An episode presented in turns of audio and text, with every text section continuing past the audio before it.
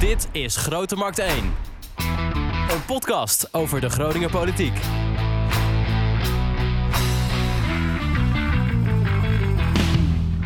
Grote Markt 1, aflevering nummer 33 alweer.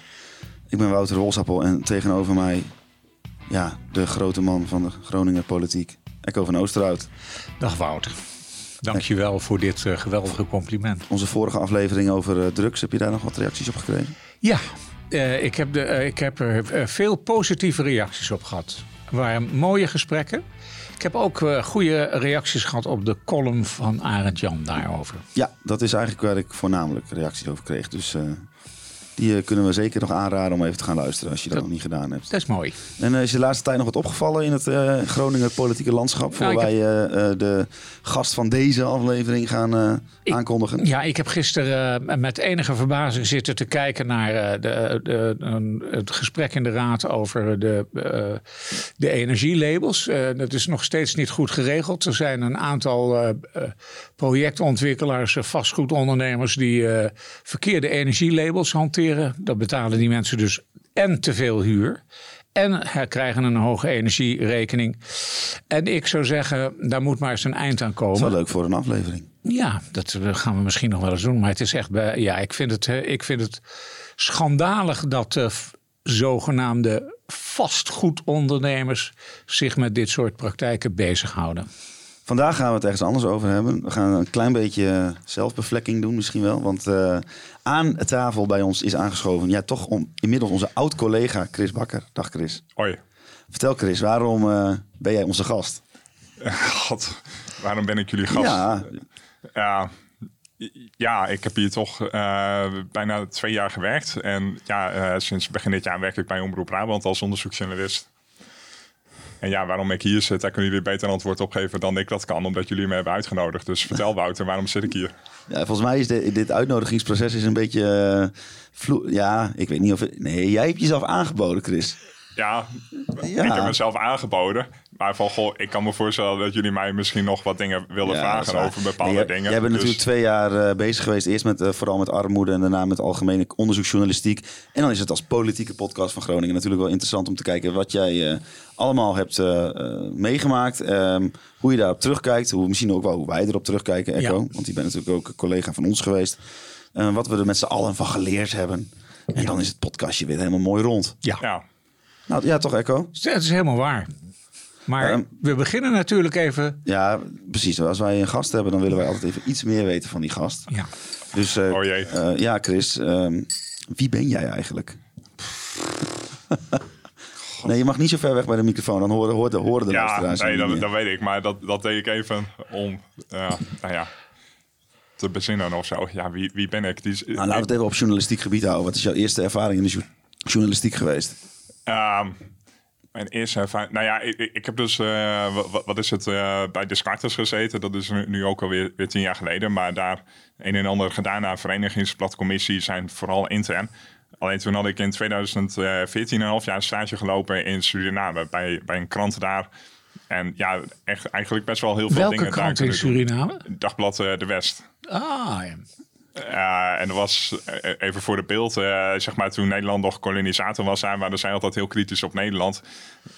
En toen Bouterse daar aan de macht kwam, waren ze ook daar heel kritisch over en hebben ze daar best wel gedoe mee gehad, zeg maar. Nou goed, en ja, daar heb ik een half jaar stage gelopen en dat was toen echt heel gaaf. Van, aan het eind van mijn eerste week uh, mocht ik, uh, wat was het, een, een, fractievoorzitter van een kleine fractie in een parlement, maar wel met de sleutel, uh, sleutelpositie, mocht ik interviewen. Dus dat, dat was wel echt heel leuk daar. Ja. Wat vond je van het pijl van de journalistiek in Suriname? Oeh, wat vond ik van het pijl van de journalistiek in Suriname? God. Is dit een tactiek om de vraag te herhalen, zodat je even bedenktijd hebt om het antwoord te geven? Ja, ja kijk, jij weet precies hoe het werkt, Wouter.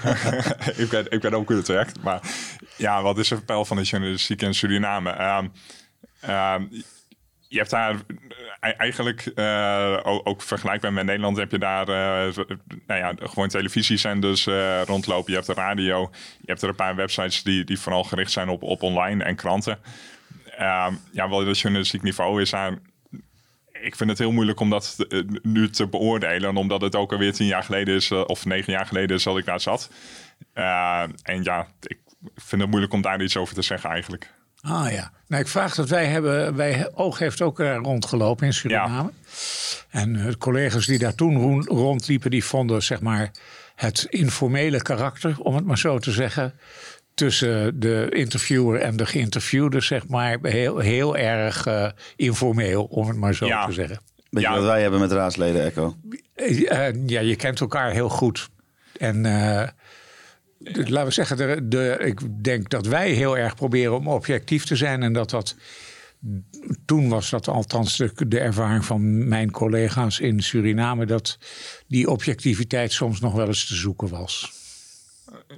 Ja, ik, ik vond het daar heel moeilijk om. Ik vind het heel moeilijk om daar wat over te zeggen. Of die objectiviteit daar, daar zoek is.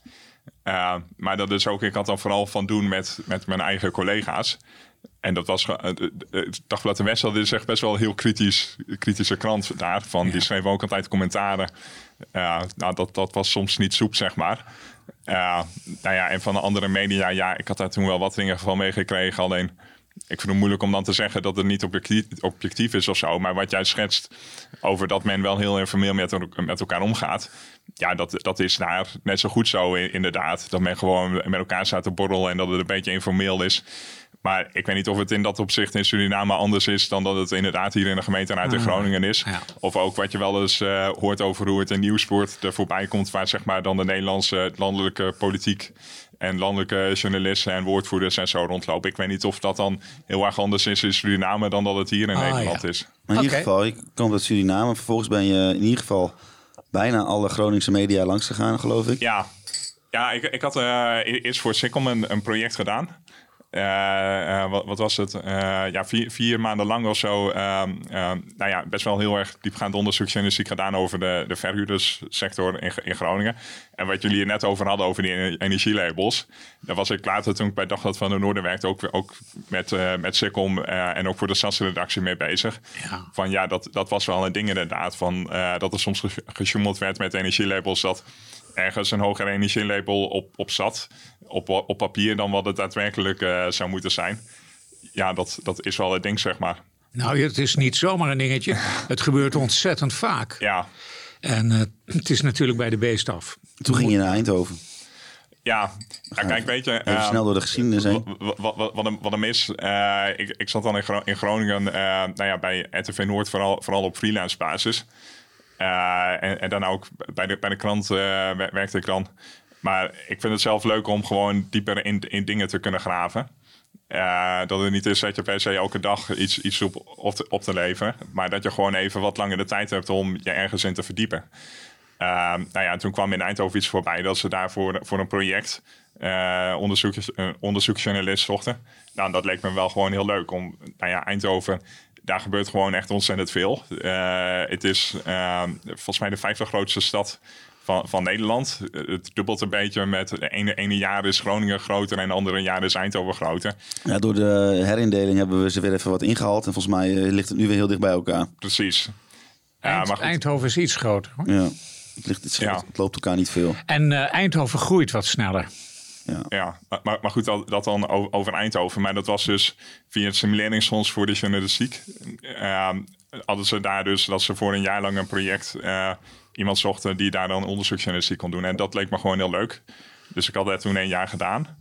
Uh, nou ja, dat, dat project dat werd daar nog weer verlengd voor een jaar. Alleen toen op een gegeven moment uh, uh, ja, kreeg ik een telefoontje van Evert Jansen, de hoofdredacteur, van, hoofdredacteur, directeur van Oog. Die zei van, goh, Chris, we gaan hier in Groningen een uh, onderzoeksjournalistiek project opzetten over, over armoede. Zo een keer een kop koffie drinken en het daarover hebben. Nou ja, en toen kwam ik hier en zo ben je bij ons beland. Zo ben, zo ben ik ja, hier beland. Want uh, als je jezelf zou moeten omschrijven als journalist, wat voor journalist vind jij jezelf? Jezus, ja, Christus Wout. Ja, kom op. Ja, ik, ik vind het heel moeilijk om dat over mezelf te zeggen. Ja, maar ja, we gaan het hier hebben over wat jij allemaal hebt gevonden en uitgeplozen. Ja. Dan is het... Uh... Ja, ik probeer een beetje wat verder te kijken dan de waan van de dag. En ik volg, volg de waan van de dag wel. Alleen, uh, ik probeer dan heel erg te kijken van... oké, okay, wat, wat zit hier nog meer achter... en wat, wat is hier nog meer aan de hand? Ja, Want dus, uh, er zijn aan de ene kant diepgaand... maar uh, dat ik wat dieper probeer te kijken naar... wat is hier nu, nu aan de hand... en ook wat zijn de mechanismes die hier spelen... hoe zoiets En, en Kan komen. bij dat armoedeproject dacht je direct van hier zit, hier zit iets meer in dan, hè, die kun je meer dan de waan van de dag doen. Ja, En eh, hoe, eh, ja, hoe ging dat aan het begin? Hoe, sta, hoe startte dat op? Wat, wat, was het, wat was het idee? Uh, nou ja, dan, dan wil ik even duidelijk neerzetten van ja, wat het projectidee was. Uh, kijk, dat was dan ook weer via het simuleringsfonds voor de journalistiek het idee om een aparte onderzoeksredactie bij je oog op te, op te zetten. Die gewoon met één, on- met één onderwerp bezig is.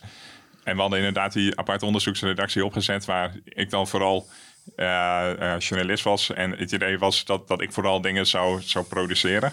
Er was er ook nog één eh, projectleider, Lisa, Lisa Terpstra. eh, die dan dus nou ja, de manager, team, teamleider, projectleider, noem het hoe je wil, wa- was. En dan was er ook nog Thomas de Boer, die, nou ja, die zit, heel erg in dat maatschappelijke domein. Die, die weet heel veel. Maar, ook- maar, maar ik wil eigenlijk weten, waarom armoede?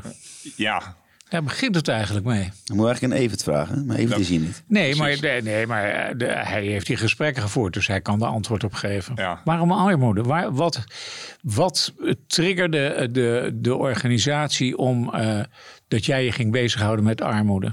nou ja, wat, wat Wouter net ook al terecht zegt, eh, zegt ik, ik kan niet spreken voor Evert, maar hoe ik dat een beetje meekreeg van ja, armoede dat is echt, echt best wel een heel groot maatschappelijk probleem in, in Groningen. Ja. Van eh één op de zes kinderen, eh, toen we dat project begonnen, groeit op in armoede in Groningen.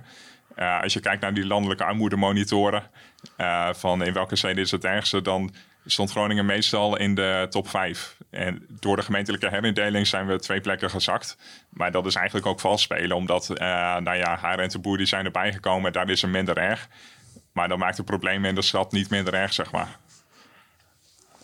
En, eh, en Oog wil daar iets aan doen of zo. Nou, Oog die wilde daar, die, die wilde daar inderdaad onderzoek naar gaan doen van... Goh, hoe kan het dat dit zo, zo is? En ja, daar gewoon het, eh, het licht op schijnen van wat is hier nu precies aan de hand. En misschien ook met oplossingen komen. Wat wist je van armoede? Oeh. Voordat ik daaraan begon. Ja, Ja, eerlijk gezegd niet, niet heel veel. Van ja, nou, ik had wel, wel eerder wat verhalen ges- geschreven daarover. En ja, ik spreek ook wel, wel met, men- met mensen en ik krijg ook wel dingen mee. Maar het is niet dat ik me daar eerder als onderzoeksjournalist echt heel erg in verdiep had. Nee, want je Verdiept zegt had. net bijvoorbeeld dat je het heel, bij Sikkom heb je een stuk geschreven over die energielabels. Dus dat zijn Ja. echt best wel harde thema's. Ja. Terwijl armoede misschien weer wat, wat meer een zachter thema is. Wat, wat, wat eh, trok jou in het onderwerp? Ja, wat mij trok aan, aan arm- onderzoek doen naar armoede. Ja, het is eigenlijk maatschappelijk best wel heel erg belangrijk. Eh, van ja, één op de zes kinderen in Groningen die in armoede opgroeit, dat is gewoon echt een heel belangrijk ding. En eh, maatschappelijke impact ervan is groot. Eh, wat hem ook is, eh, kijk, dit was ook in de tijd dat het toeslagenschandaal speelde. Eh, dus ja, je kan er ook. Nou, het speelt nog steeds. Maar, Het speelde, ja, maar, maar toen was dat, kwamen al die onthullingen naar buiten. Het speelt Ja. nu nog steeds. Nou ja, dat is, was dan ook een reden om ernaar te kijken. En ik was dan ook wel benieuwd van, goh, hoe werkt dat mechanisme? Hoe, hoe- aan de ene kant, eh, hoe kan het dan mensen zo diep in de ellende komen? En wat voor ellende maken mensen dan mee? En ook hoe functioneert het geheel daaromheen dan, zeg maar? Wat om zo iemand heen zit, die dan in de ellende zit. nou, dan heb je het over wat de overheid voor die mensen doet. En wat Niet alleen de overheid, maar ook maatschappelijke organisaties, bedrijven en ja, hoe, hoe dat geheel een beetje functioneert, zeg maar. Is best wel een eh, veelomvattend eh, onderwerp. Ja, en dat, dat Want je was, kunt, er echt, van- je kunt hem ook echt van tien kanten aanvliegen, zeg maar. ja, en dat was ook een lastig inderdaad. Eh, en op een gegeven moment we hadden daar dan wel een bepaalde structuur, structuur in van. eh, mijn collega's die wilden vo- vooral heel veel onderzoek blijven doen.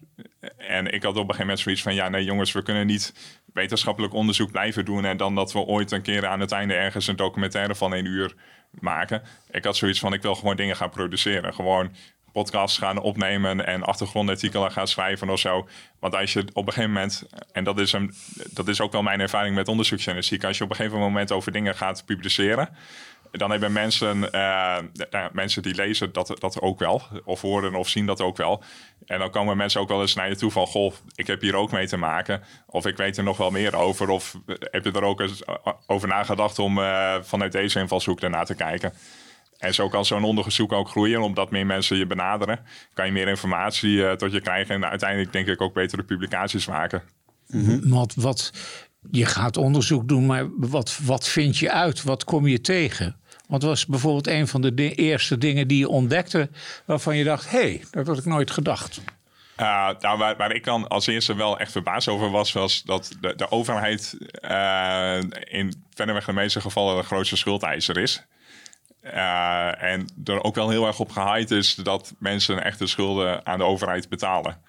En dat gaat van wat ik hoorde echt nou, tussen 90 95 procent van de gevallen waar mensen, mensen in de armoede zitten of in de schuldenregelingen zitten, gaat het om schulden aan de overheid. Ja, dat, dat, daar was ik wel verbaasd over. En heb je dan, spreek je dan ook met mensen die dat overkomt? Ja.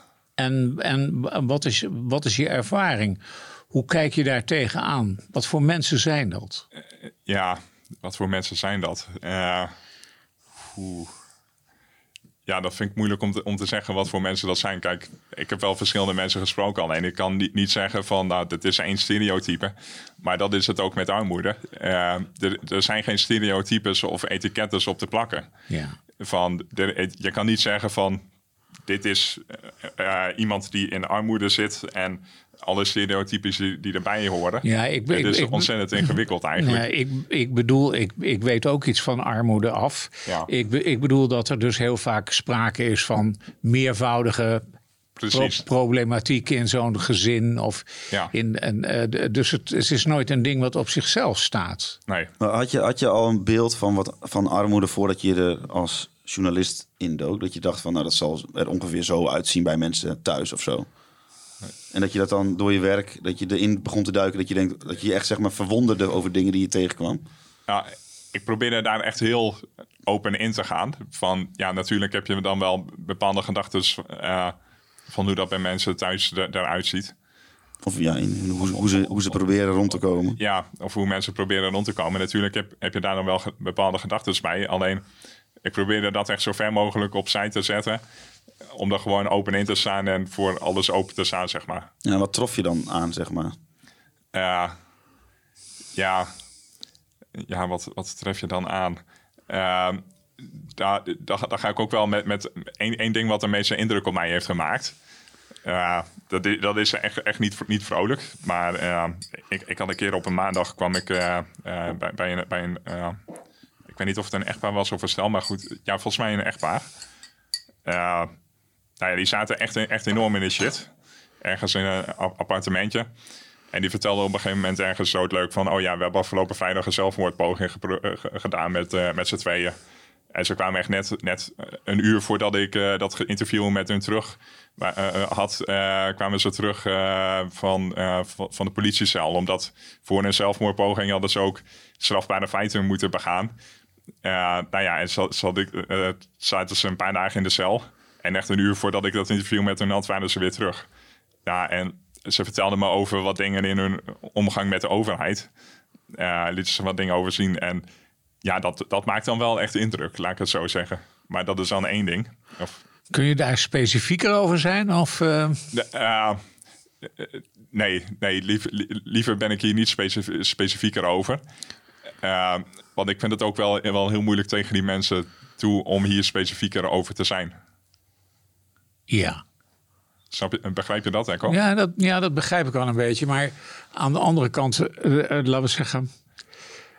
Uh, arme, armoede is natuurlijk, er zijn heel veel, er zijn, dat komt ja. dus heel veel voor in de stad Groningen. En, en het is ook heel divers en het heeft ook heel veel gezichten. Ja. En dat is natuurlijk wat je, wat maar, denk ik het idee was, dat we dat zichtbaar zouden maken. Ja, nog, nog even terug naar de vraag van Wouter. Kijk, dit wat ik net schetste, dat maakte voor, op mij echt de meeste indruk. Ik bedoel, hoe die mensen dat vertelden en, en over hun situatie. En die te zien, nou ja, dat, dat maakte gewoon echt, echt heel veel indruk op me. En dat is ook niet iets, dat gaat je dan in de koude kleren zitten of zo. Maar dat kon je niet opschrijven, want dat wilden ze niet. Of hoe zat dat? Uh, nou, het is soms heel lastig uh, om uh, met, met dat soort dingen, als je echt met heel schrijnende situaties te, te, maken hebt, is het soms heel lastig om daar echt concrete publicaties mm -hmm. over te maken. Uh, omdat je nou eenmaal zit met echt, echt heel privacygevoelige in, informatie. Uh, ik hoor dan alleen de kant van, van hun, Ja. hun kant van het verhaal. Uh, en het is dan ook lastig om te kijken van... is hier sprake van, van systeemfouten bij de overheid... Uh, waardoor de, deze mensen in de problemen zijn te komen. En dat is heel moeilijk Ja. om daarachter te komen of het gaat om, om één incident, wat één keer is voorgekomen en één keer slecht is gegaan. Of dat het gaat om systeemfouten, dat mensen echt structureel uh, nou ja, benadeeld worden of uh, op een kwaadaardige manier be- behandeld worden door de overheid. Dat is heel lastig om dat uit te maken. Maar, maar wat was dan je. Die heb je, die heb je daar een jaar mee bezig gehouden. Wat is dan, als je dat zo over terugkijkt, naar, naar, hoe, hoe zie je dat dan? Ik, ik heb trouwens eh, nog, nog, nog één ander verhaal en daar kan ik wel wat, wat anders wat meer over vertellen. Uh, een, een andere persoon die ik had geïnterviewd, dat interview hebben we ook op de website uh, ge- gepubliceerd. Uh, dat was met, met uh, Desmond, een man van, van eind 50. Uh, die, die, had, uh, die had echt een prima baan via, via UWV. Hij, hij, komt uit het Caribisch gebied. Hij is naar Nederland gekomen. Had een prima baan bij, bij een industrieel bedrijf ergens in de gemeente Groningen. Ik, ik ga dat liever niet specifiek vertellen, welk bedrijf. Maar uh, die zat via, via het UWV bij, zo, bij zo'n industrieel bedrijf. Functioneerde altijd prima. Kreeg hij ook te horen met functioneringsgesprekken. Alleen op een gegeven moment uh, hield de subsidie vanuit het UWV op en hadden ze hem dus in dienst moeten nemen. En toen werden we verteld van ja, wij, gaan jou geen vast, vast contract aanbieden. Uh, dus is hem de deur gewezen. Uh, nou goed, toen, toen kwam die man thuis te zitten en had hij ook al vrij snel weer, weer een andere baan bij een ander industrieel bedrijf. Waar, waar hij gewoon aan de, aan de slag kon. Alleen na, halverwege de eerste dienst bij die nieuwe baan kreeg hij ineens te horen van... oh ja, we moeten nog wel papierwerk regelen. Want uh, er is blijkbaar niet iets, iets niet in orde. En toen later kreeg iemand te horen uh, van... Ja, dat ze niet met hem doorgingen omdat die man van een ander bedrijf kwam. In plaats van dat hij uit een uitkering bij dat nieuwe bedrijf kwam, kon dat nieuwe bedrijf geen subsidie krijgen voor die man. Uh, en dat had allemaal gevolgen voor dat het nieuwe bedrijf dan minder geld kreeg. En hadden ze zoiets van, nou, we nemen wel iemand anders die wel uit een uitkering komt en waarvoor we wel die subsidie kunnen krijgen. Dus dan zit je met zo'n man die in dat opzichtig best wel kapot loopt in het systeem. En, en ja, ook vind ik dan uh, eigenlijk buiten zijn schuld om uh, ja, toch weer zo, zo in de problemen komt. Ja. En wat voor problemen kwam die dan? Nou, dat hij, uh, zeg, zeg maar, uitkering, daar, daar kon hij gewoon niet, niet van rondkomen. ook met, met zijn vriendin niet. Dat was heel moeilijk om daarvan rond te komen. En op een gegeven moment nou ja, vertelde hij dat hij ook wel eens naar de supermarkt ging en dan rekende hij bepaalde dingen wel af. Alleen andere dingen, uh, dat, dat deed hij dan in zijn broekzak of zo. Ja. En ja, ik kan me nog voorstellen dat er ook, uh, als je zo'n verhaal schrijft, dat daar dan gemengde reacties op komen. Want natuurlijk, niks is meer. ja, die, die zijn veilig. er zeker opgekomen. Niks is meer, geen verhaal is meer veilig zonder dat de helft positief nee. en de helft negatief is. En dat, dat is zo. Heb je daar nog iets aan gemerkt, aan de, aan, die, aan de reacties op zulke soort verhalen? Dat er een bepaald uh, beeld is bij uh, mensen die uh, in armoede leven? Uh, ja, of daar een bepaald beeld bij is. Nou ja, in ieder geval niet bij, de, de, misschien ja. niet bij, het grote, bij de grote, ge, het grote geheel, maar... Ja, wat me in het algemeen wel opvalt... Uh, is ik ben ook wel eens bij bijeenkomsten van uh, politieke jongerenorganisaties geweest, verschillende politieke jongerenorganisaties geweest, waar dan over, over armoede wordt gesproken. En dan valt wel heel erg op dat jongeren van rechtse partijen, die hebben daar bepaalde uh, vooroordelen bij. Waarvan ik toen, toen, al dacht van ja, jongens, het ligt allemaal net wat ingewikkelder dan hoe jullie het hier, voorspiegelen. Maar datzelfde, dat geldt net zo goed bij, bij de linkse partijen. Die doen het soms net wat erger voorkomen dan. Of ja, die proberen het dan net wat, wat meer erger te, te maken. En dat ik soms ook denk van ja, maar daar zit ook weer nuances aan, zeg maar. En ja. dat is het ene lastige aan dit armoede gebeuren. Het is ontzettend ingewikkeld. Ja. Maar was, was nou de gedachte, toen jij die, die hiermee bezig ging houden, was nou de gedachte dat uh, oog op een of andere manier daar een uh, rol in zou spelen om dat probleem te lijf te gaan bijvoorbeeld? Nou ja, om, we, we werkten dus ook samen met, uh, met drie groepen studenten sociologie van de Rijksuniversiteit Groningen. Nou ja, die, die hebben gewoon een paar onderzoeken opgeleverd. Ik weet uiteindelijk niet of we die hebben gepubliceerd of niet. Maar uh, ja, er was een gedachte van of wij daar als ogen misschien iets, iets van een rol in konden spelen. Om daar in elk geval eh, meer, uh, nou ja, meer, meer, kennis, meer kennis over naar buiten te brengen. Van goh, zo, zo werken bepaalde dingen. En ook gaan kijken naar goh, wat zijn mogelijke oplossingen voor, voor armoede. Ja, zijn er oplossingen voor armoede? Ja, dan stel je, dan stel je, uh, dan stel je mij een politieke vraag. en ik, ik vind dat moeilijk om als journalist te zeggen: zijn er oplossingen voor armoede? Nee, ik, ik, dat is niet een politieke vraag. De, laten we zeggen, jij gaat kijken. Ja. Zou je jezelf nu een, een, een, een, expert noemen op het gebied van armoede? Zou ik mezelf een expert noemen op het gebied van armoede? Nou, nee. Nee, maar in hoeverre dan? Wat, uh, hoe zou je het dan wel omschrijven? Want je hebt er wel meer kennis van dan een gemiddelde Nederlander. Behoorlijk ja, wat zelfs. Ja, ik, ik, weet, ik weet wel dingen. Alleen, ja. Nou ja, je hebt bij mensen thuis geweest en je hebt verhalen gezien. Nou, je hebt ja. zelfs je hebt verhalen gezien die je eigenlijk niet op kan schrijven, omdat het eigenlijk journalistiek gezien uh, misschien niet helemaal verantwoord is om zo'n verhaal te maken. Uh, maar die heb je wel allemaal gezien. Dus je hebt wel, ja, wat, hoe zou je dan je, je kennis uh, ten opzichte van het onderwerp zou je dat omschrijven? Ja, misschien dan niet. Ja, ik, ik heb een beetje hekel aan het, aan het woord expert. Ja, precies. Ja, ja, ja. Maar misschien wel gewoon een, een, journalist die dingen weet over armoede. Ja, dus eh, laten we zeggen, een beschouwende persoon, zeg maar. Ja, een beschouwende persoon. En, en, eh, en, maar dat kan, hè. Politici zijn natuurlijk ook beschouwend. Er zijn heel veel mensen, wetenschappers zijn beschouwend. Ja. Het is uh, gewoon romantici die naar de samenleving kijken. dat, dat, dat, bestaat allemaal. Maar bijvoorbeeld de dingen ten opzichte van uh, onze gemeente. Heb je, ben je veel dingen tegengekomen die daarin uh, stroef verliepen? Ja, nou, dan wil ik weer even teruggaan naar wat het plan was van, van het onderzoek. Kijk, wij, wij hadden dus eerst echt best wel heel, wat publicaties waarin we gewoon keken naar, uh, naar dingen, hoe, dingen in het armoede gebeuren werken. Uh, bijvoorbeeld lage lettertijd. Uh, dat was voor mij ook wel een verrassing hoe groot dat probleem eigenlijk is.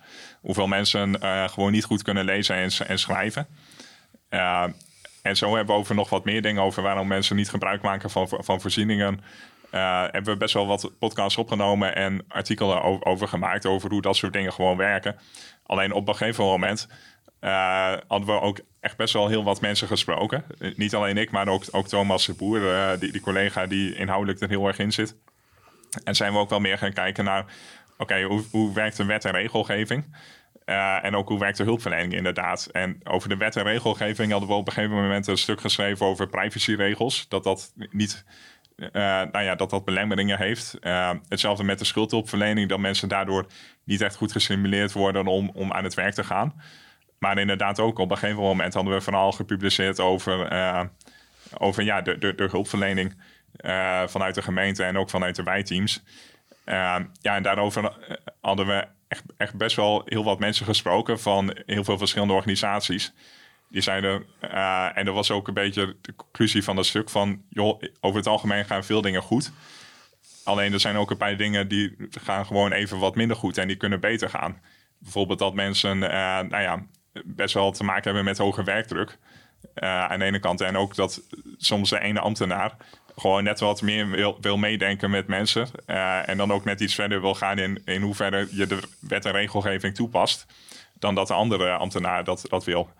Uh, nou ja, dan hadden we toen op een gegeven moment, je kan het zo teruglezen is op dat, uh, kun je dan, internet. Kun je daaruit concluderen dat er een sprake van willekeur is? Nou, het komt voor, alleen het is moeilijk om te zeggen hoe vaak en in wat voor mate dat voorkomt. Alleen dat is wel wat wij gehoord hadden van meerdere mensen en dat hadden we ook in dat stuk opgeschreven inderdaad. En zijn die ambtenaren zich daar dan van bewust? Of, uh... Dat weet ik niet. Nee, ik denk dat ga je vragen natuurlijk als journalist. Ja, nou ja, we hadden uh, voor, dat, voor dat stuk hadden we ook, ook gewoon wederhoor uitgezet bij de gemeente en, en ook bij de wijteams. Uh, en die waren vooral heel erg geschrokken en boos op het stuk. Ja. Van, joh, wat is dit nou weer? Ja, dus laten we zeggen, de, eh, de, uh, kijk, uh, we vraag stellen die vraag natuurlijk niet helemaal zonder reden. We hebben bijvoorbeeld een wethouder gehad in die periode dat jij het onderzoek ja. deed. Die heette Dix. En ja. de, de, die, dat was een moeizame verhouding, toch? Ja, laat ik het zo zeggen. Ik heb wel eens mensen in dit werkveld met wie ik betere verhoudingen heb gehad. Ja, ik, Met wie ik makkelijker kan werken. Ja, maar het gaat ook een beetje om het beeld. Als iemand, als een wethouder zegt: uh, ik ga dit probleem oplossen binnen een Ja. bepaalde periode, dan, dan dat is onmogelijk, toch? Nou, eh, ja, is, is het onmogelijk om de armoede op te lossen? Wat, wat denk jij, Jacco? Nou, ik ben geen expert, maar ik weet er wel zoveel van dat ik de stelling wel aandurf dat er altijd eh, arm- armoede zal blijven bestaan. Ja. En dat het eh, minder kan zijn dan op dit moment. Dat geloof ik ook wel. En ik geloof, er worden nu dus. Kijk, de economische crisis slaat natuurlijk eh, door Oekraïne en, en eh, de energieprijzen en, eh, en de inflatie. Ja. Wilt om zich heen dat mensen met middeninkomens nu ook getroffen worden Ja. en in de problemen komen. Dat zal op een bepaalde meer periode wel weer minder worden. Maar het zal dus volgens mij al- altijd blijven bestaan en het zal altijd wisselende gedaantes aannemen. Ja, kijk, over, over, eh, over wethouder, eh, voor- voormalig wethouder Isabelle Dix. Kijk, zij had op een gegeven moment een plan. Dat heette dan de sociale investeringsexploitatie. Of De CX. index. Ja, de CX. Sociale investeringsexploitatie, denk ik, ja. Ja, ja, exploitatie inderdaad. En eh, de gedachte daarachter was van we gaan investeren in mensen eh, in de hoop dat, dat mensen dan makkelijker of be- beter uit de armoede kunnen komen. En dat er op een gegeven moment ook maatschappelijk rendement voor terug kan komen. En de gedachte was om, eh, zeg maar, je hebt in, in gemeente, overheid, land heb je iets dat heet de grondexploitatie. Eh, bijvoorbeeld als ergens een, nieuwe Oosterpoort wordt neergezet of een Meerstad of wat voor dingen dan ook, gewoon wat om grond eh, of gebouwen gaat. Dan heb je daar zo'n hele methodiek voor, dat heet dan de grondexploitatie, waar echt allerlei risicofactoren in worden gezet. En ook van, op een gegeven moment kan je dit terughalen als, als eh, rendement. Die, diezelfde eh, systematiek die wilde Isabelle dan gaan gebruiken eh, in het armoede sociale domein. Ik denk dat ze bedoelde dat, want ik heb er ook wel vaak met haar over gehad, dat je dus, laten we zeggen, nu zeggen we ieder jaar, we geven zeg 500 miljoen per jaar uit aan armoedebestrijding. Is dat zo? Of verzin je gewoon een getal? Eh, nou, ik noem een willekeurig getal. Zoveel is, zoveel is het niet, want 500 miljoen is de helft van de begroting van de gemeente ongeveer. Eh, maar eh, laten we zeggen dat je dus de, ieder jaar eenzelfde soort bedrag uitgeeft aan, in- aan armoedebestrijding, wilde zij op een gegeven moment zeggen van nou, het ene jaar zouden we twee of drie keer zoveel kunnen doen en dan de volgende jaren wat minder. En dat betekent dat als je in één keer een groot bedrag investeert in iemand bijvoorbeeld, dat je dan... Eh, al zijn voor- schulden weg. Je stopt, Ja. een, Ja, eh, ja. je stopt iemand, probeert iemand op te leiden tot een bepaalde baan. Ja. Eh, Je leert, leert Ja. iemand lezen. Dat je dat allemaal Ja. in één jaar doet. Zodat Ja. diegene daarna weer makkelijker zichzelf kan ja, redden. dat was de gedachte. Terwijl als je er elk jaar maar een beetje wat half tegenaan, eh, geld half tegenaan Ja. gooit. Dan blijft Ja. iemand een beetje... Dat is een beetje heel grof gezegd wat het idee was, toch? ja, En eigenlijk als je nu naar het eh, eh, coalitieakkoord kijkt... wat ze in juni hebben gepresenteerd... staat daar ongeveer hetzelfde. Alleen eh, wordt het geen exploitatie meer genoemd. Want dan zou Jimmy Dijk denk ik geen handtekening hebben gezet onder Nee, het, nou, eh, het is ook een heel ongelukkig woord. nee. Maar de, eh, want, op, op zich, kijk, de, de gedachte om te investeren in mensen en de- dat je daardoor helpt dan mensen eh, eh, er nou ja, beter, makkelijker, eerder uitkomen en beter geholpen worden. Ja, dat is al, alleen maar heel goed. Dus ook niks, niks afdoen aan de, aan de goede intenties, de goede wil van, van Isabelle eh, op dat vlak. Maar eh, wat, wat, ik, wat ik dan ook daarin mijn rol vond, enigszins, is: kijk, er was op een gegeven moment een best wel eh, enigszins concreet plan van zo willen we dit ongeveer gaan doen.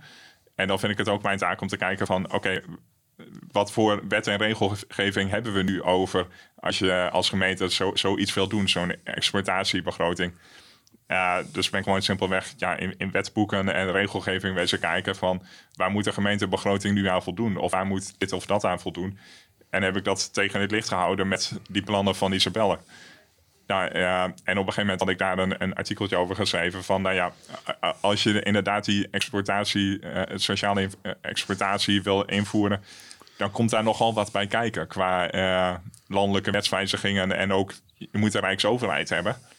Eh, om, om bepaalde eh, dingen te veranderen. En dat is met de VVD als grootste partij politiek ook wel een uitdaging. als je nu op straat eh, tegenkomt, dan groet je haar wel vriendelijk. Ja, nee, dat, dat zeker. dat zeker. Ja. Want je hebt nog wel, je hebt nog wel gezorgd voor wat ophef hier. met eh, Isabelle Dix. met een weglopende wethouder aan toe. Oh ja, Was dat je hoogtepunt van je twee jaar bij Oog? nee, Dieptepunt. dieptepunt. Ja? Ja, ja, echt dieptepunt. Waarom?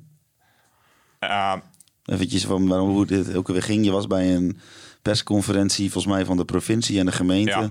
waarin de tekst werd gezegd: mensen die in armoede leven moeten oppassen dat ze met zwanger worden of zo. Dat, daar kwam het ongeveer op ja, neer. zo- zoiets, ja. En toen hadden wij dat, eh, iemand anders dan jij had dat op onze website gezet. Eh, met de haakjes, zeg maar, van dat is een quote. Alleen volgens mij is, is dat weer een, beetje een technische discussie. Of het één haakje is, dan zijn het, is het een parafrase. En Ja. een dubbel haakje is Ja. het een quote. Nou goed, Dit was een parafrase. dit was een parafrase volgens ons, maar niet volgens de woordvoerder. En toen was het één groot eh, heen en weer gesteggel, waardoor we uiteindelijk eh, dachten van nou, we laten het maar eh, zo staan zoals wij denken dat het eh, moet staan. Maar in ieder geval, het was geen hoogtepunt voor jou dat daar Nee, heel dat, veel nee, dat, was echt het dieptepunt.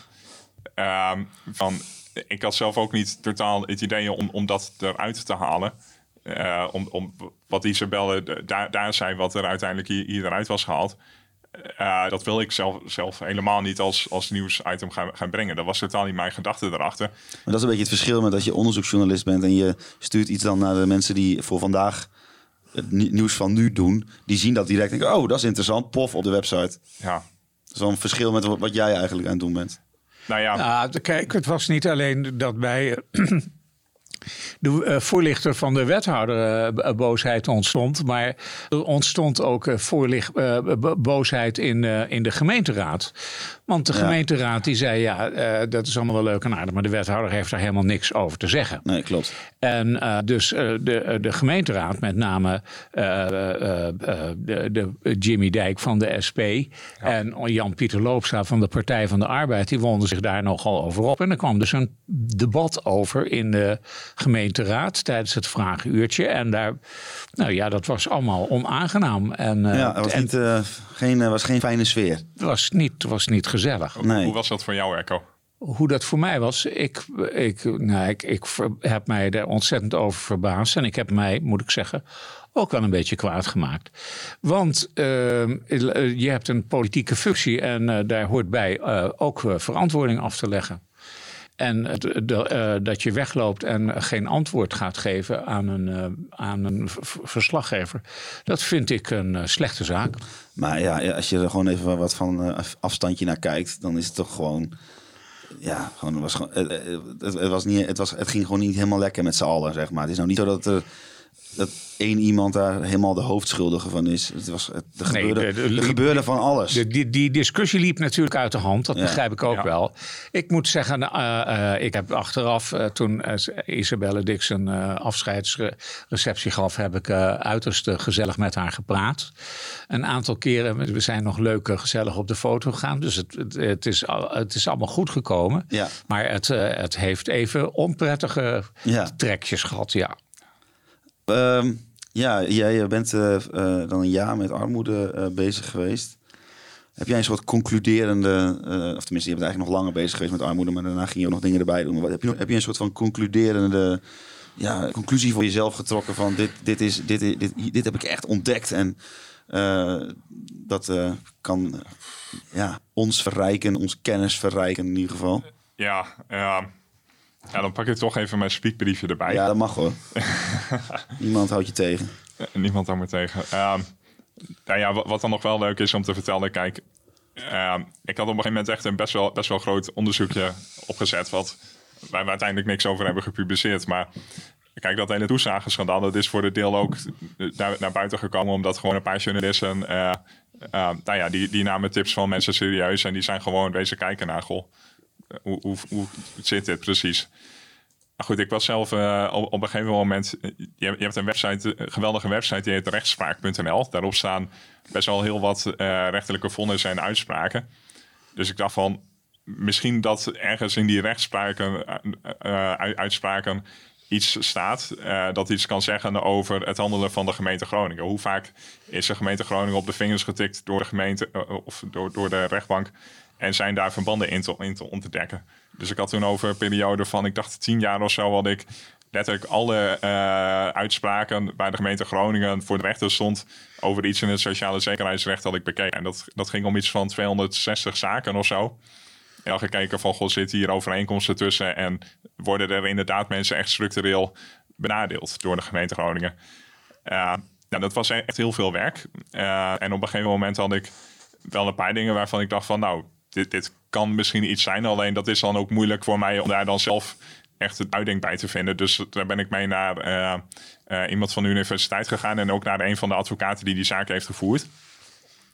Uh, nou ja, en die, die jongen van de universiteit die zei... ja, dit gaat om zo'n lange periode... en eigenlijk kan je hier niet echt iets over zeggen. en de advocaat die, zei van, die zei ook een beetje hetzelfde... en ook vooral dat uh, eigenlijk onder Matthias Scheidsperts zijn heel veel dingen binnen de gemeente echt heel veel beter gegaan. Van daarvoor bedoel je? Van daarvoor. Ja, Van daarvoor. met daarvoor. Ja, precies. Matthias Gijsberts was GroenLinks-wethouder. Ja. Sociale zaken. Een e emotionele man. Ja, Mag je wel heel, zeggen? heel, heel erg betrokken. Een, een be- betrokken emotionele man. En, Intelligent, eh, die, maar echt die, heel erg betrokken. Die, eh, laten we zeggen, ook landelijk wel opzienbaarde, omdat hij gewoon de repressieve overheid, daar wou hij vanaf. Ja. En uh, de wantrouwende overheid, uh, hij, daar vond hij helemaal niks. Dus uh, we moeten er niet van uitgaan dat iemand zit te liegen. We kunnen gewoon ook ervan uitgaan dat hij een foutje maakt of Ja. zich vergist. In plaats van dat hij ons aan het oplichten is. Ja. En daar heeft, eh, daar heeft eh, Matthias Gijsbert zich eh, uiteindelijk veel mee eh, voor elkaar gekregen in Groningen. Ja, nee, dat is zeker zo. Ja. Ja, en dat was hem ook wel. Groningen is een paar jaar lang, eh, lang dan bezig geweest, zijn ze nu nog steeds zo. Maar met het experimenteren om hoe, hoe kunnen we mensen beter helpen. Beter uit de ellende helpen en dat ze weer dat pad omhoog eh, kunnen vinden. Alleen politiek was dat eh, wel heel moeilijk om er doorheen te krijgen in Den Haag. Ja. Ja, van dat, dat heb ik wel gehoord. Eh, nou ja, met de VVD, die er nu toch, wat is het, 12 jaar zit of zo, Ja. als, als grootste partij, is dat soms wel heel moeilijk om dingen er doorheen te krijgen. Als je bijvoorbeeld wil experimenteren met dat mensen die in de bijstand zitten net wat meer mogen overhouden van wat ze verdienen als ze een baantje erbij hebben. ja, dus de VVD zegt dan eh, eh, vertrouwen is goed, controle is beter. Of zoiets. Ja, zo, zoiets Ja, inderdaad. ja, en dat, Alleen, dat, daar kwam ze absoluut niet aan. Ja. Wat maakt eh, Gron- eh, armoede in Groningen nou anders dan armoede in de rest van het land? Ja, Eh, ja e- eigenlijk, eh, kijk, armoede concentreert zich vaak in, in steden. Eh, minder in landelijke gebieden, maar vooral in steden. En dat heeft ermee te maken. eh, dat in, in steden is het toch vaak wat anoniemer leven. Eh, en, en ook in steden zijn vaak wel meer voorzieningen waardoor mensen beter ge- geholpen kunnen worden. Van dat zie je ook als je de gemeente Groningen vergelijkt met gemeenten eromheen. Heb je in de gemeente Groningen gewoon eigenlijk veel meer regelingen en voorzieningen waar mensen die, die het niet zo breed hebben gebruik van kunnen maken. Nou ja, dat soort dingen, dat, dat zorgt daar dan voor. Eh, maar ja, wat, wat hem wel is, kijk, je hebt in Groningen, eh, dat heb ik echt best wel vaak gehoord, de mythe van eh, de studenten die nemen alle baantjes in.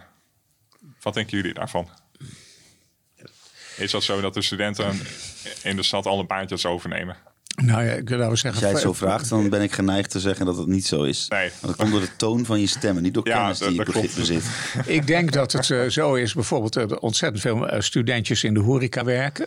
Ja. Dat eh, is op tijdstippen zitten dat het, tegenwoordig zitten ze allemaal op de fiets, hè? eh, zitten ze Te allemaal- bezorgen. Ja, op de Of, bezorgfiets. of dat ze op de bezorgfiets zitten. Ja. Nou, dat, dat soort dingen.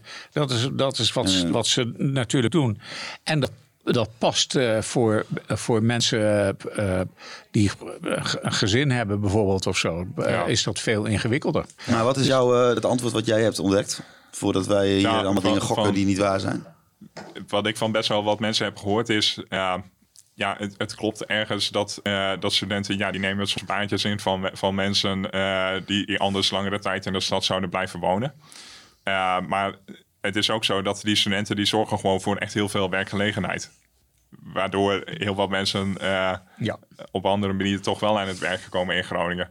Want dat is hem wel, laten we eerlijk wezen. eh, de grootste werkgevers, en, en daar moet je dan ook naar kijken op een gegeven moment. De grootste werkgevers eh, in, in de gemeente Groningen. eh, dat is nou eenmaal het UMCG, eh, de Rijksuniversiteit en de Hans Hogeschool. Ja. Ja, dat zijn toch de plekken waar ook wel best wel veel studenten eh, zijn. Hey, als we het nu hebben over eh, investeringen. Die investering om jou hier eh, de armoede te laten bestuderen. Is dat een investering die wat opgebracht heeft? Daar ga ik geen antwoord op geven, Erco. Maar dat is Dat is niet aan mij om daar iets over... eh, Nee, maar wat denk je? Wat, wat, wat heeft, het, heeft het iets opgeleverd? Ja, ja kijk, als je, als je alleen maar kijkt naar, naar armoede, eh, of, of dat rendement heeft opgeleverd, ga je een beetje ook voorbij aan wat de gedachte was van dat project over onderzoeksjournalistiek. Maar voordat we daar verder over gaan, wil ik graag nog even een ander punt duidelijk maken over, over armoede. Eh, zeg maar wat, wat wel is in Groningen, wat, wat mij wel, wel verbaasd heeft. Eh, Kijk, je hebt, je hebt iets van 175 organisaties in Groningen die met armoede bezig zijn. Misschien zijn, zijn het een paar tientallen meer. Zijn er sowieso niet minder, maar je hebt echt heel veel eh, organisaties, mensen in Groningen die met armoede bezig zijn. En eh, daar ben ik ook best wel ve- veel geweest. En wat je daar wel heel erg merkt, eh, maar ook bij de wijteams en ook wel bij de gemeente, is dat er echt heel veel goede wil is om mensen te, te helpen die gewoon in de ellende zitten. Nou ja, dat het is van, goh, ook al reageer je nu even een paar dagen niet of heb je het moeilijk, eh, wij, wij helpen jou, wij staan voor jou klaar. En die goede wil, die gemeenschapszin in Groningen, eh, dat is voor mij wel eh, op een positieve manier heeft me dat heel erg verbaasd. Ja. Dus dat is wel mooi. Als je wat cynischer bent, dan zeg je misschien ja, maar als er 150 organisaties of 175 organisaties zijn Ja. die zich bezighouden met, eh, met armoedebestrijding, dan zijn er ook eh, een flink aantal van die willen overleven. En die dus ook Ja. heel erg met zichzelf bezig zijn. Nou ja, dat is hem dus. Je hebt, je hebt inderdaad verschillende groepen mensen die met armoede bezig zijn. Je hebt de vrijwilligers eh, en ook de mensen van maatschappelijke orga- organisaties, die, die ik dan net vooral noem- noemde. Die zijn er vooral mee bezig. En dat zijn echt de mensen die het meeste hart voor de, voor de zaak hebben. En waarvan ik echt merk dat zij oprechte intrinsieke motivatie hebben. Eh, maar je hebt inderdaad ook eh, bedrijven rondlopen. Ja, ik noem, noem liever geen namen of ik ga er liever niet te specifiek op in, want anders dan moeten, moeten we wederhoor gaan uitzetten voor deze podcast en dat is ook niet de bedoeling. Maar ehm, je hebt bed- bedrijven rondlopen. eh, ja, die eh, vinden het gewoon leuk om eh, subsidies binnen te halen. En die proberen zich een beetje te nestelen in dat geheel van al die organisaties die met armoede bezig zijn. Waarvan je kan afvragen, als je er gewoon van een afstandje naar kijkt van... Goh, wat voegt dat bedrijf eigenlijk toe aan dit geheel wat er nu al is? En is er niet dubbel met eh, iets anders wat we ook al hebben in het armoede gebeuren, wat eigenlijk een beetje hetzelfde doet of vrijwel precies hetzelfde doet als, die, als dat nieuwe bedrijfje? En dat maakt het soms ook wel overzichtelijk, eh, eh, onoverzichtelijk eh, voor mensen van ja, waar moet ik nu terecht eigenlijk? Ja, waar moeten mensen terecht? Als je nou jezelf aantreft in armoede, wat moet je doen? Ja, ja Chris, help ons. als je, in de, ja, als je ineens in de, in de shit zit. Ja, ja, op de website van de gemeente, daar staan echt best wel veel dingen. En je hebt als eerste aanspreekpunt natuurlijk gewoon de wijteams. Ja, dus ja, dat zijn al twee dingen. En ehm, Ik kan me voorstellen dat heel veel mensen er echt helemaal geen idee van hebben. nee, Dat ze helemaal geen idee hebben van een wij-team of helemaal geen idee hebben van 150 organisaties dat- die zich daarmee bezighouden. Of nee, maar, maar een dat is, website van de gemeente. Nee, maar dat is dus ook het lastige inderdaad. Van hoe ga je dat communiceren en hoe ga je dat bekendmaken van... Goh, als je eh, je baan bent verloren of zo, waar, waar moet je dan terecht? Ja, natuurlijk zou je dan eerst denken aan het UWV. Maar bij het UWV ga je, ga je je ook niet wijzen op een initiatief als Hu- Humanitas of Standjes Hand in Hand... die je echt met alle plezier helpen. Ja. Dus ja, dat is, dat is heel lastig inderdaad. En dat is dan ook weer van een uitdaging in hoe ga, je, hoe ga je dat geheel communiceren? Wie, wie zet je daar dan wel op of niet op? En ik heb nu ook alweer iets gezien dat er nu weer een nieuwe website is. Daar, daar stond laatst een bericht over op, ons, op de site van Oog. Dat er weer een nieuw initiatief is eh, met een website waar, waar alle, alle organisaties op staan. Ik heb altijd als ik door Groningen fiets dat ik altijd denk van, ook met dit eh, project in mijn achterhoofd van, er zijn zoveel voordeuren Ja, waar achter iets aan de hand is. ja, En waarvan ik als journalist graag zou nou, in ieder geval even willen kijken van eh, wat is daar aan de hand en zouden we daar misschien iets mee kunnen of moeten. Maar ja, dat, die voordeur zit dicht en je weet niet wat daar zich afspeelt. dat was ook heel lastig. En dat was ook lastig om. ehm, nou ja, kijk, oog is, oog is voor een belangrijk deel ook tv. Ja, Eh, en dat was wel heel lastig om. eh, nou ja, ik heb dus best, best wel wat mensen gesproken. Maar dat was wel heel lastig om daar dan ook tv van te maken. Eh, omdat mensen dat, dat vaak gewoon niet willen. Van het is dan al heel moeilijk om zo'n eerste afspraak te maken dat mensen überhaupt met mij off the record willen praten. Of zelfs voor zo'n artikel uh, met Desmond, wat ik dan eerder had geschreven, uh, of eerder had verteld. Maar, maar dat is dan heel moeilijk om überhaupt al zo ver te komen. Omdat het gewoon gaat om mensen die in een echt heel kwetsbare uh, positie zitten. Ja. Waarvan je ook kan afvragen van ja, moet je daar wel een camera op zetten en moet je wel in die woonkamer gaan, uh, gaan, gaan, filmen? Er staat natuurlijk tegenover dat. Uh, dan weet je er minder van. En om mensen te zien en in een situatie en waarin ze dingen uit kunnen leggen. Ulvert Molenhuis van de Voedselbank bijvoorbeeld. was een groot voorstander ervan dat cliënten van de voedselbank ook zich lieten zien uh, bij. Hij sleurde iedereen erbij, kom hier, want en dan werden ze geïnterviewd door een verslaggever ja. van Oog. Want dan werd het zichtbaar dat dat wat voor soort mensen dat waren en dat, ja. dat neemt een drempel weg. Ja. Ja, daar valt wat dat, voor te zeggen. Maar goed, het is natuurlijk uh, aan mensen zelf. Uh, maar ik, ja, ik bedoel precies. meer van dat je denkt van het lijkt me echt gewoon heel lastig als je. Nou ja, je weet gewoon dat achter heel veel van die voordeuren waar je langs fietst, weet je gewoon dat daar, daar mensen zijn die uh, uh, aan het ja. eind van de maand, als de uitkering bijna komt, ja. dat die uh, op droog brood en, en hooguit een plakje kaas misschien ja. leven.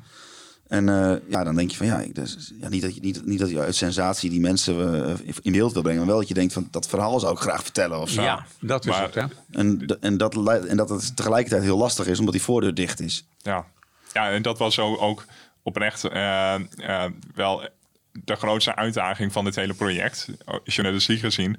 Van ja, hoe ga, hoe ga je hier beeld tv van maken? Ja, ja dat, is, dat is gewoon heel lastig.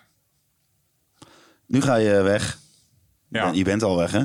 Ik ben al weg. Oog, ja, je ja bent, wat, wat is het uh, nu drie weken? Je bent uh, weer terug naar, uh, naar Brabant gegaan. Ja. Wat ga je daar doen?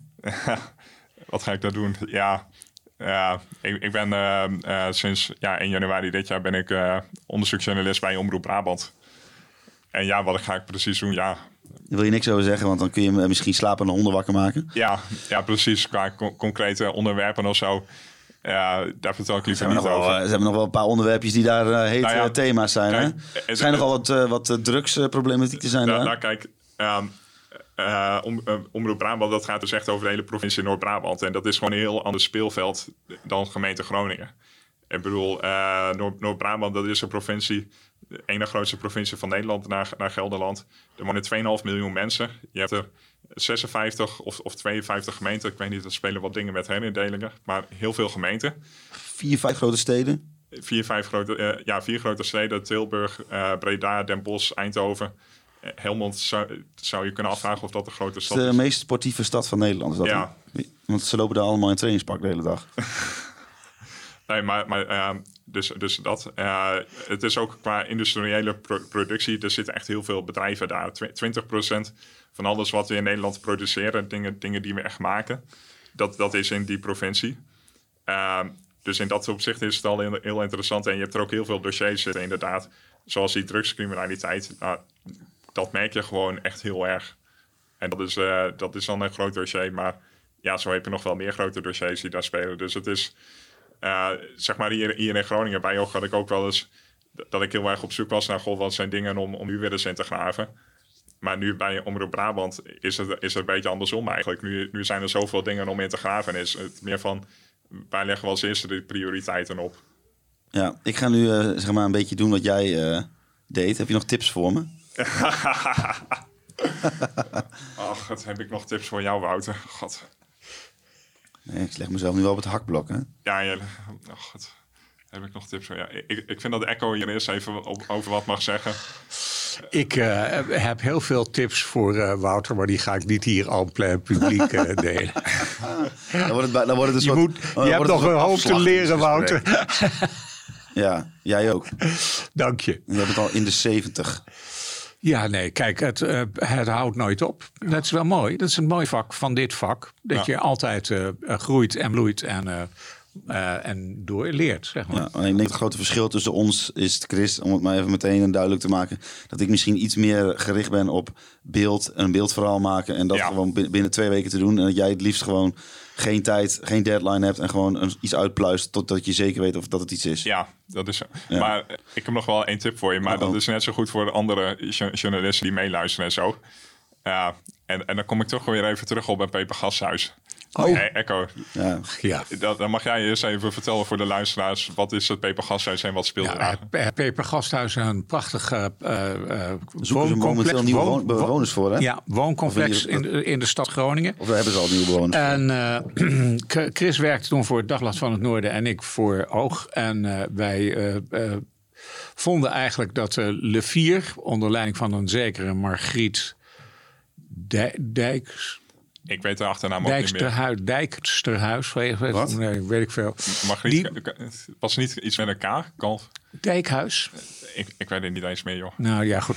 In ieder geval, eh, zij wilde dat eh, verkopen. en- Drijver. Margriet Dijver, dat was het. Ze wilde dat eh, verkopen aan eh, een, eh, een speculant.